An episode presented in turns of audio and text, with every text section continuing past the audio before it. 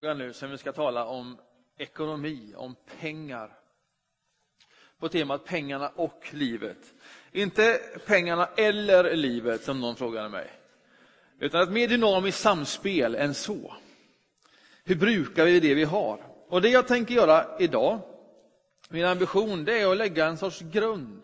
Säga någonting väldigt, väldigt grundläggande. Inte bara om pengar, utan om livet som också får bäring på pengarna.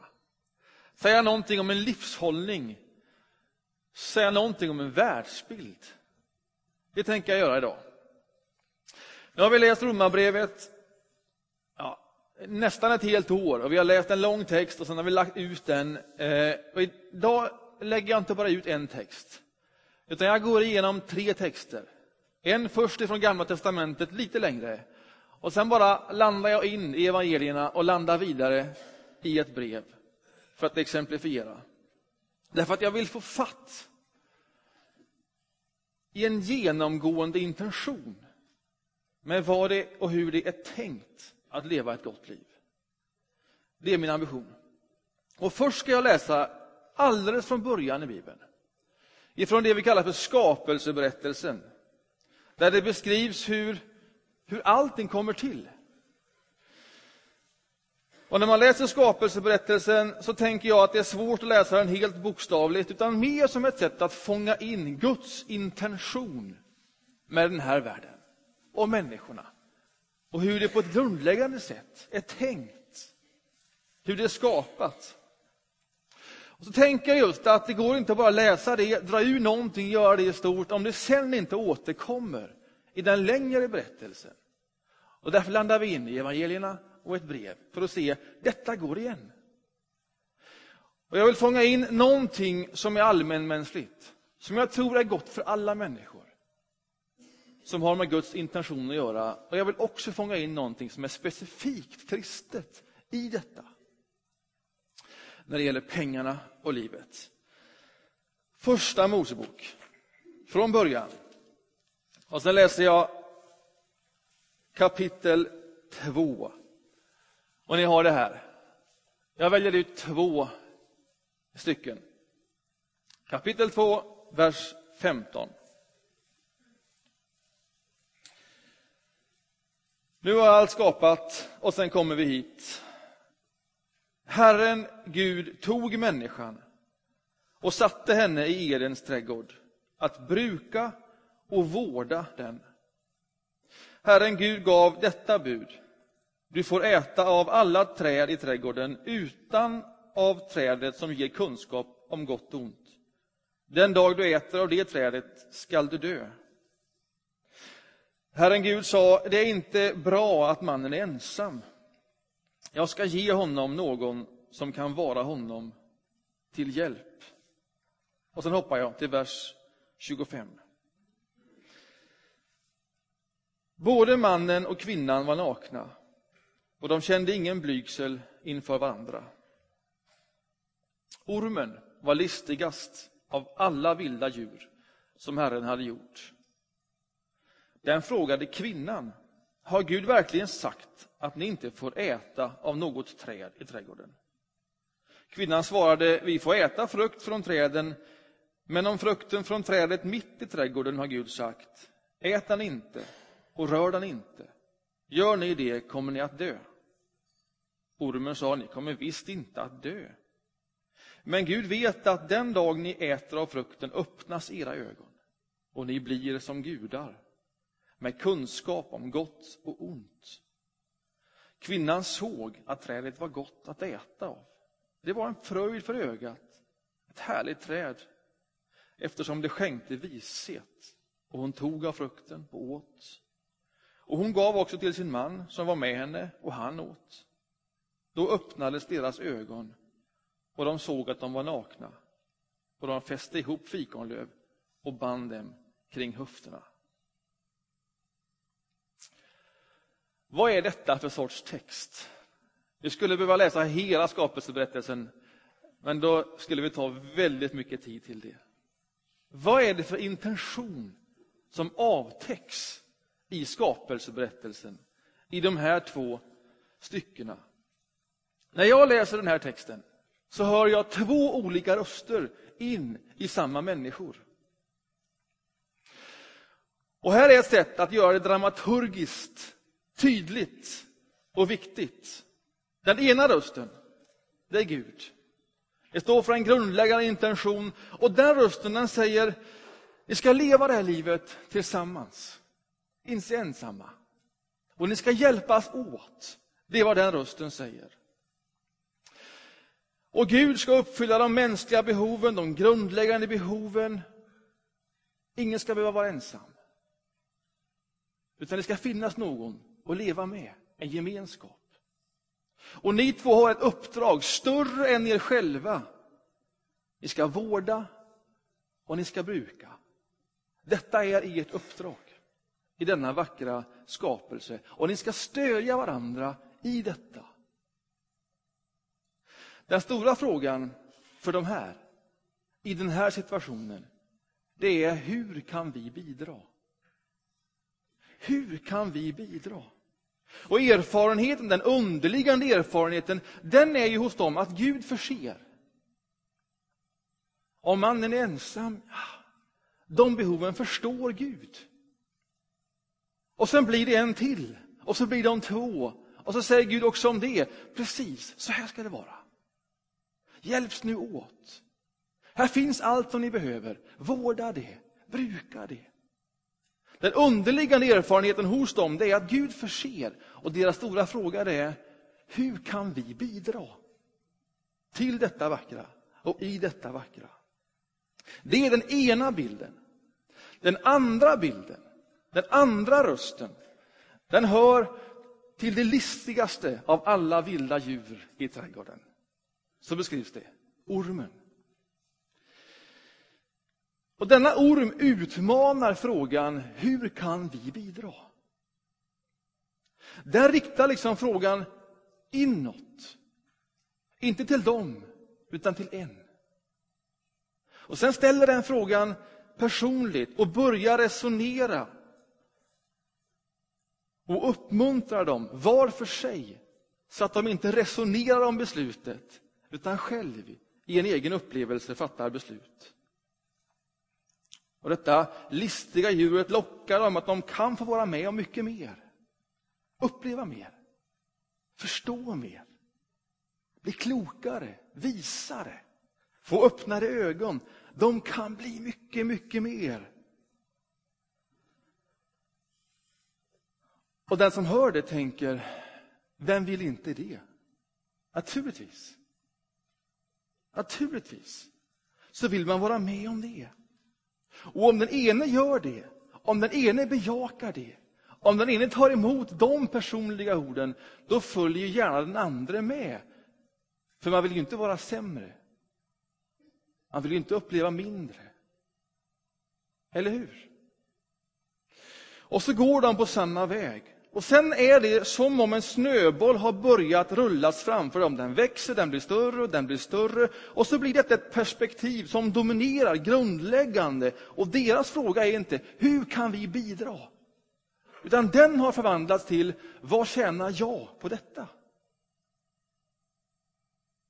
Det var den frågan det listigaste djuret var på och tafsade. Hur, vad tjänar jag på detta? De två frågorna, hur kan vi bidra? Och vad tjänar jag på detta? Spänner man emellan genom ett helt liv. Hur kan vi bidra? Och vad tjänar jag på detta? I den första frågan finns ett vi. Man utgår ifrån att man är tillsammans, att det är så intentionen är. Att man inte lever ensamt och fattar alla beslut själv, utan det finns ett, ett vi. Vi är tillsammans och tillsammans vill vi bidra. I den andra frågan är det ett jag i centrum. Hur kan jag, jag, tjäna på detta? Den första frågan har blicken på nästa. Den andra frågan har blicken på sig själv.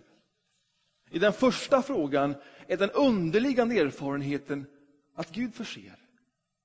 Och hur ska vi bidra? I den andra frågan är den underliggande förståelsen att detta klarar jag själv. Vad tjänar jag på detta? Och jag vill inte göra det löjligt enkelt. Men jag vill försöka göra det tydligt. Och jag vill försöka klä av saker och ting. Så att man kommer ner på en sån grundläggande nivå. Så att man kan faktiskt på ett sånt sätt, om vi får upp den frågan igen, tänka sig att detta kanske hör till de mest grundläggande frågorna man ställer sig i ett liv. Och att härifrån skapas det som då blir en världsbild, en förståelse av hela existensen. Alltså meningen med mitt och vårt liv. Och när man ser de här två frågorna så enkelt, så avskalade och så polariserade.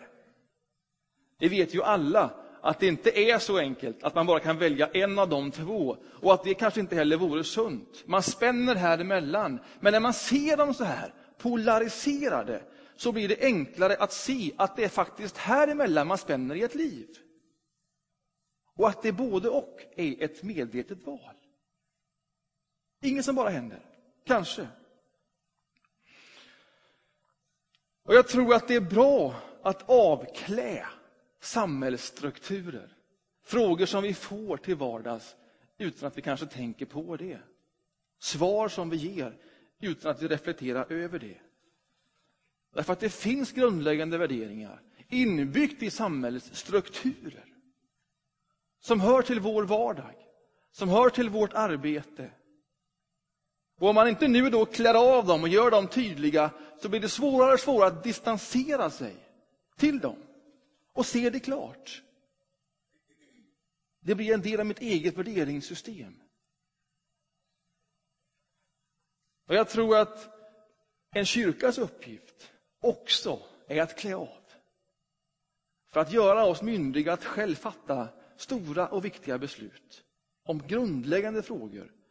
Det som har att göra med världsbild, om existens och meningen med livet. Och det här är mitt försök.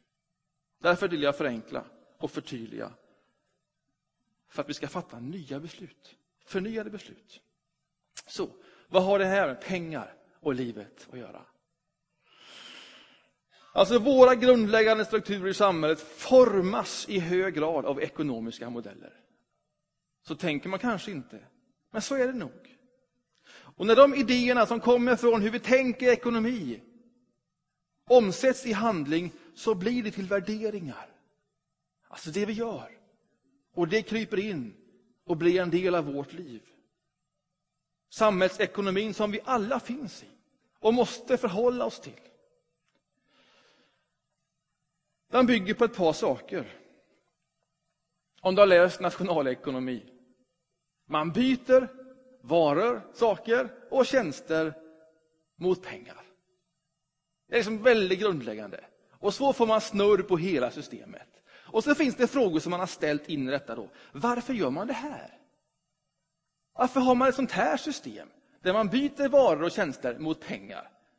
Och så säger man, ja men det bygger på mänskliga behov. Det driver den utvecklingen.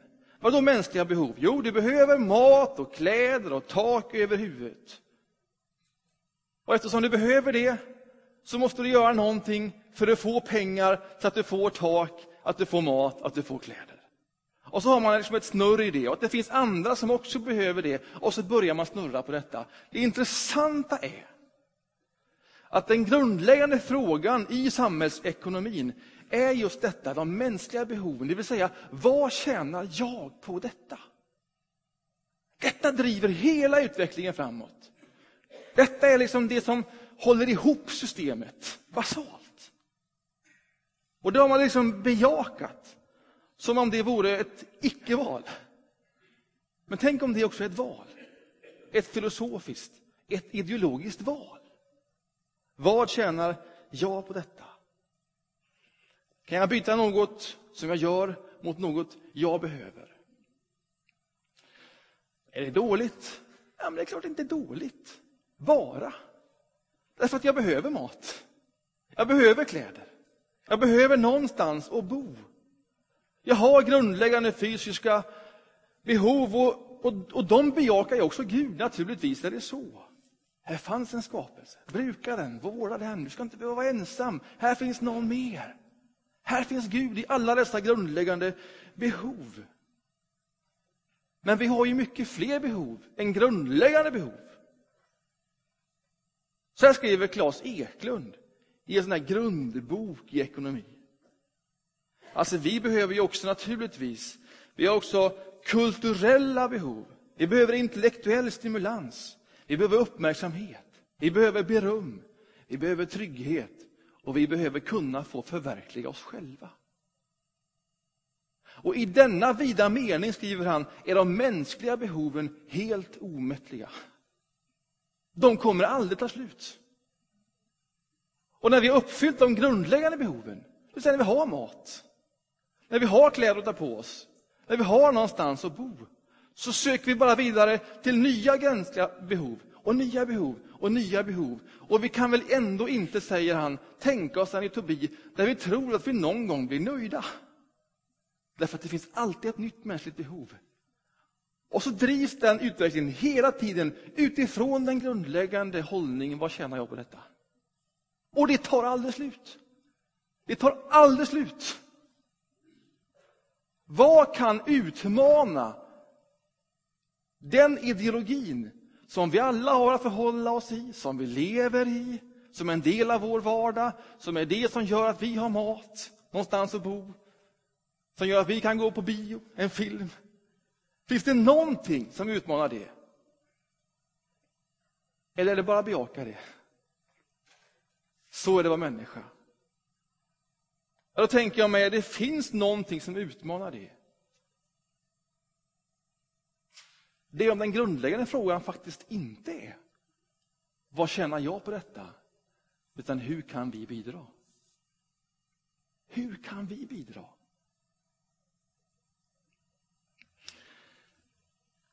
Hur kan vi bidra utan att jag tjänar på detta? Därför att vi har ett uppdrag. Vi har någonting att utföra. Vi ska vårda. Vi ska bruka. Detta är Guds intention. Det tror jag har med existensen att göra, med meningen att göra. Att man behöver se det klart. Därför att man kan tänka sig en annan drivkraft. Och att den skulle ge ett annat system, möjligen. Utan att jag vet hur det skulle se ut. Men åtminstone utmana rådande tänkesätt man kan tänka sig att kärleken skulle vara den grundläggande drivkraften. Som inte älskar för att få någonting tillbaks. Utan som bara älskar. Som älskar för att den älskar. Men det ryms inte i teorierna. Det hör till den privata sfären, kanske. Och när jag läser min bibel så är det som att Guds intention går på tvärs mot mycket av det som uppfyller vår vardag. Och som därför behöver utmanas. Och Jag tror att detta är ett budskap som är en profetisk röst i vår tid. Att inte bara köpa in i frågeställningen vad tjänar jag på detta? Utan också trycka in hur kan vi bidra? Den här frågeställningen, som kommer i hög grad från ekonomin, den, den smittar av sig på livets alla områden. Vi lyssnar på ekonomer som få andra röster. Den smittar av sig på alla livets frågor. På tron. Det här är några ringar som vi använde för sju år sedan i den här kyrkan. Jag och Ingmar skrev en bok Eh, jag häpnade när jag såg att det var så länge sedan. Och så tänkte jag, det var inte många av er som var med här för sju år sedan. Några. Men vi är flera nya människor här. Att det är värt att ta ett varv omkring detta en gång till. Vi skrev någonting som hade att göra med det mest grundläggande. Livshållning, mening.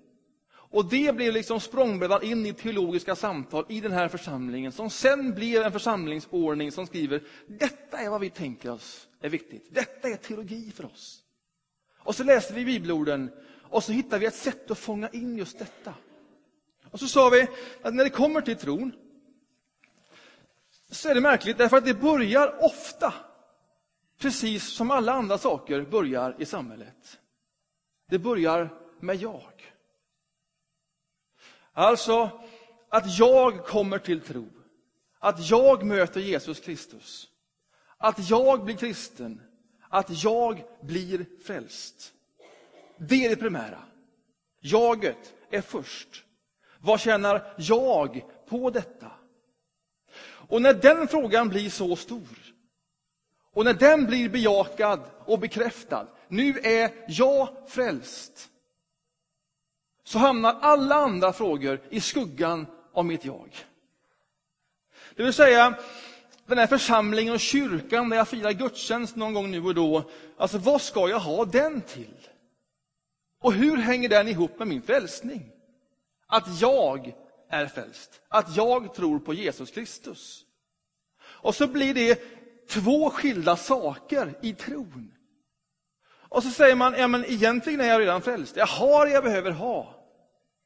Vad ska jag med kyrkan till? Alltså, vad tjänar jag på det här? Och om man kan ge skäl för det, så kan man engagera sig i detta. Ja, men jag ändå behöver ändå byggas upp, eller jag behöver en gemenskap. Eller, så länge du kan svara på frågan, vad tjänar jag på detta? Då finns den här. I den mån jag vill. Och sen kommer utifrån tron, världen som en annan separat ring. Hur mycket utrymme och fokus får världen utifrån min kristna tro? Ja, men vad tjänar jag på detta? Inte så mycket. Och så bygger man en sorts förståelse som hela tiden utgår ifrån jag och vad jag tjänar på detta. Och så har liksom rådande ideologier och värderingar smugit sig in också på hur vi förstår tron. Och så sa vi, tänk att detta kanske inte är det som vi läser i Bibeln om vi försöker läsa den en gång till. Alltså det kanske inte börjar med jag. Det kanske inte är den stora frågan. Tänk om den stora frågan är världen. Inte bara jag, utan hela skapelsen. Alla människor. Hela den här världen. Tänk om det är Guds första prioritet. Om Gud tänker primärt större än bara mig. Han tänker på alla människor. Och så läste vi Johannes 3 och 16, nästa versa som vi kan och som vi har läst så personligt. Bara så älskar Gud världen att han gav den sin enda son. För att var och en som tror på honom inte ska gå under utan ha evigt liv. Jag tror på honom, jag vinner evigt liv. Men fokuset börjar här. Så älskar Gud världen. Det börjar inte med mig. Utan Gud älskar hela den här världen. När Gud ser på hela den här världen, allt det som har blivit. Hela detta universum, alla människor, allting. När Gud ser på det, det första Gud säger om det, det är Åh, vad jag älskar detta. Men allt har inte blivit som det var tänkt. Allt är inte vackert. Min intention genomsyrar inte hela den här världen, men lika fullt, Gud älskar denna världen.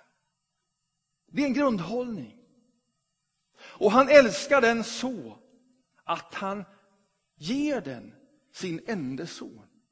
Alltså det är fjärran ifrån vad känner jag på detta, utan jag älskar och den som älskar ger. Det är alltid den riktningen man bidrar. Kärleken sträcker sig alltid på detta sätt. Och sen ger Gud världen sin enda son. Den största av alla gåvor. Det som betyder mest, den enda, det är vad han ger till den värld som han så älskar. Och vad gör Jesus när Jesus kommer till den här världen? Dit. Han börjar samla människor omkring sig. Han kallar dem till sig. Hör du, följ mig. Du, följ mig. Du, följ mig. Och sen samlar han människor och sen laddar han dem med budskapet om Guds rike. Och sen när han lämnar jorden, då säger han, okej, okay, nu har ni hört, nu har ni sett, fortsätt. Och så kallar han det för kyrkan. Det var vad han skapade här. En sorts missionsorganisation mitt i den här världen. Som finns till för den här världens skull. Gå nu ut. Detta är fokuset. Detta är fokuset. Och här inne, jag har nu lärt er detta om tjänande. Jag har nu lärt er att ni finns till för varann. Den stora frågan här det är, hur kan jag bidra till ditt liv? Hur kan jag bidra till ditt liv? Hur kan jag bidra till ditt liv med de gåvor som Gud har gett? Och när det är ömsesidigt i den här gemenskapen, ja, men då är vi nära det som kallas för Guds rike. Och dessutom så finns det här mönstret till, inte för sin egen skull, utan för den här världen, för det är den Gud älskar. Och när jag kommer till tro, för det gör jag personligt, när jag blir frälst, när jag blir en kristen människa, då införlivas jag i denna missionsorganisation, denna gemenskap. Det som kallas för kyrkan eller för Kristi kropp. Jag blir en del i den kroppen. Detta är en världsbild som är fjärran ifrån att det börjar med jag och min frälsning. Här är den stora frågan, inte vad tjänar jag på detta? Här är den stora frågan, från början, hur bidrar vi? Hur bidrar vi? Så älskar Gud världen. Att han ger den sin enda son.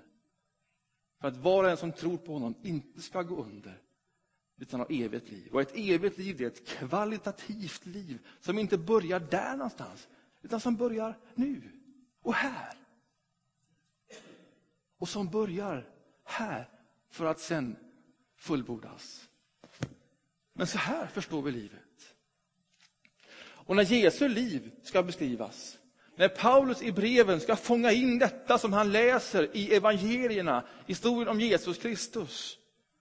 Hur ska man förstå Jesu exempel? Hur ska man förstå det han gjorde, det han lärde dem? Ja, men då, det här läste jag förra söndagen, jag läser det gärna igen. Det här kan man läsa på vilket ämne man vill. Därför att det är så grundläggande. Då summerar Paulus det här, Jesu väg, och också vår väg, eftersom det är Jesu väg. Filipperbrevet kapitel 2. Så här. Lev i kärlek, eniga i tanke och sinnelag, fria från självhävdelse och fåfänga. Och så säger han så här. Var ödmjuka och sätt andra högre än er själva. Det är svårt. Tänk inte bara på ert eget bästa, utan också på andras. Låt det sinnelag råda hos er som också fanns hos Kristus Jesus. Han ägde Guds gestalt, men vakade inte över sin jämlikhet med Gud, utan avstod från allt och antog en tjänares gestalt då han blev som en av oss. Och när han till det yttre hade blivit människa gjorde han sig ödmjuk och var lydig ända till döden, döden på ett kors. Och därför har Gud upphöjt honom över allt annat och gett honom det namn som står över alla andra namn. För att alla knän ska böjas för Jesu namn i himlen, på jorden och under jorden. Och alla tungor bekänna att Jesus Kristus är Herre, Gud Fadern till ära. Vad var det han hade gjort? Som skapade en sån total slutpunkt och seger. Det han hade gjort det var att han som hade allt, han som ägde Guds gestalt, avstod från allt och blev en människa, en sån som oss. Någon som tjänade och som gjorde det hela vägen ut. Och därför har Gud upphöjt honom. Alltså den grundläggande frågan i den som följer Jesus Kristus, det är inte vad tjänar jag på detta? Utan det är hur kan vi bidra? Det är en allmänmänsklig fråga och det är en specifikt kristen fråga för den som vill följa Jesus Kristus. Hur kan vi bidra? Men vi är så inkulturerade i det som är vår vardag att det blir nästan provokativt att göra det så enkelt som jag nu gör. Vi ligger så självklart med frågan om vad jag tjänar på detta. Att det är nästan svårt att överhuvudtaget frigöra sig från den. Vi har så många av oss köpt in i den ideologin. Hela vägen. Trots att vi vet att våra behov är omättliga, att vi alltid kommer att ställa ett nytt mänskligt behov som mål. Hela tiden, hela tiden, hela tiden. Och aldrig, aldrig, aldrig någon gång nå fram. Så är det så ofta där vi utgår. Vad har det med pengar att göra? Jag tror det har jättemycket med pengar att göra. Alltså pengar är ett av de områden som är det mest fredade området.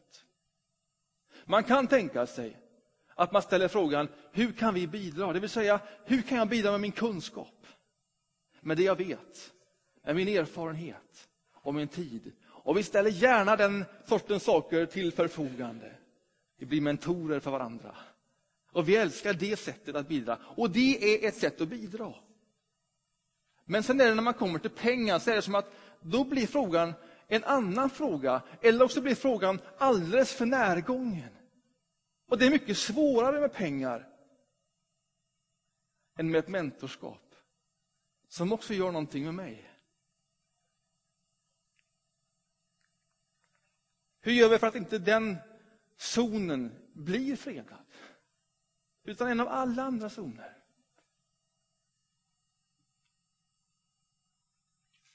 Ja, hur gör man för att en idé inte bara ska vara en idé, utan en värdering?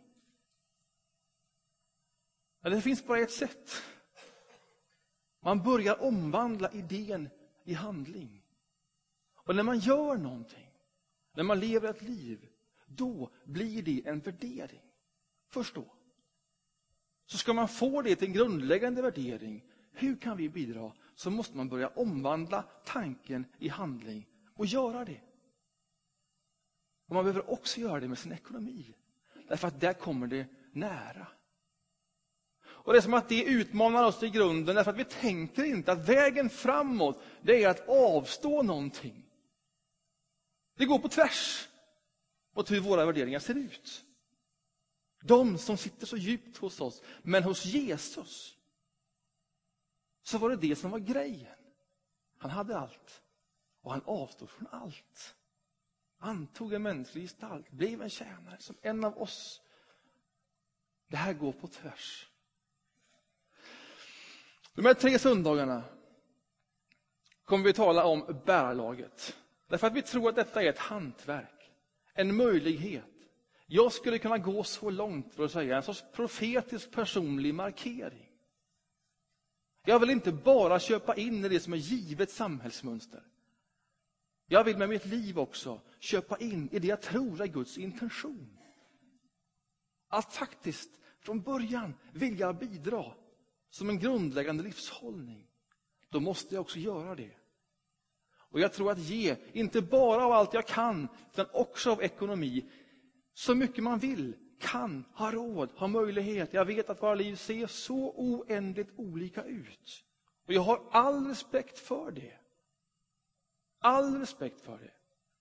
Men där man är, och efter de möjligheter man har, och om man gör det med glatt hjärta, därför att man vill säga någonting för sig själv inför Gud. Man vill mer och mer låta Guds intention vara min intention med livet så är att ge också pengar något av det kraftfullaste man kan göra.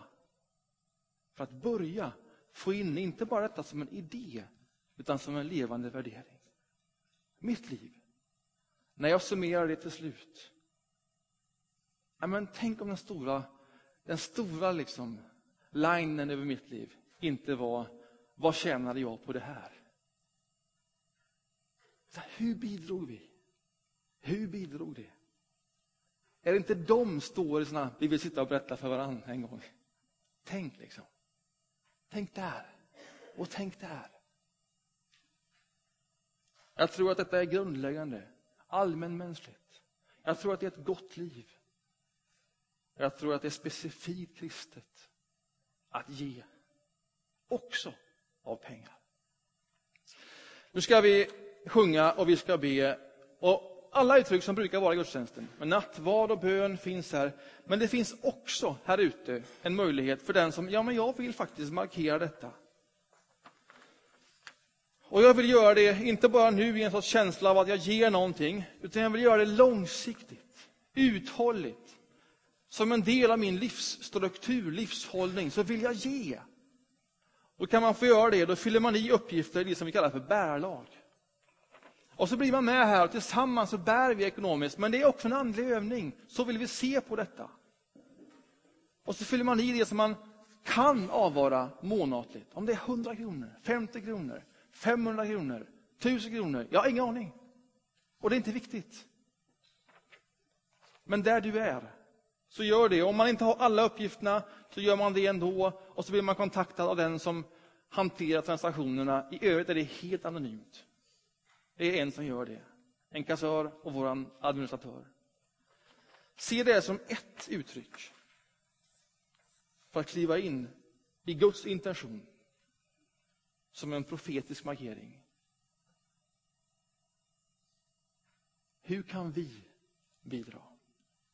Amen. Ska vi stå upp? Ska vi sjunga en sång innan vi firar nattvard?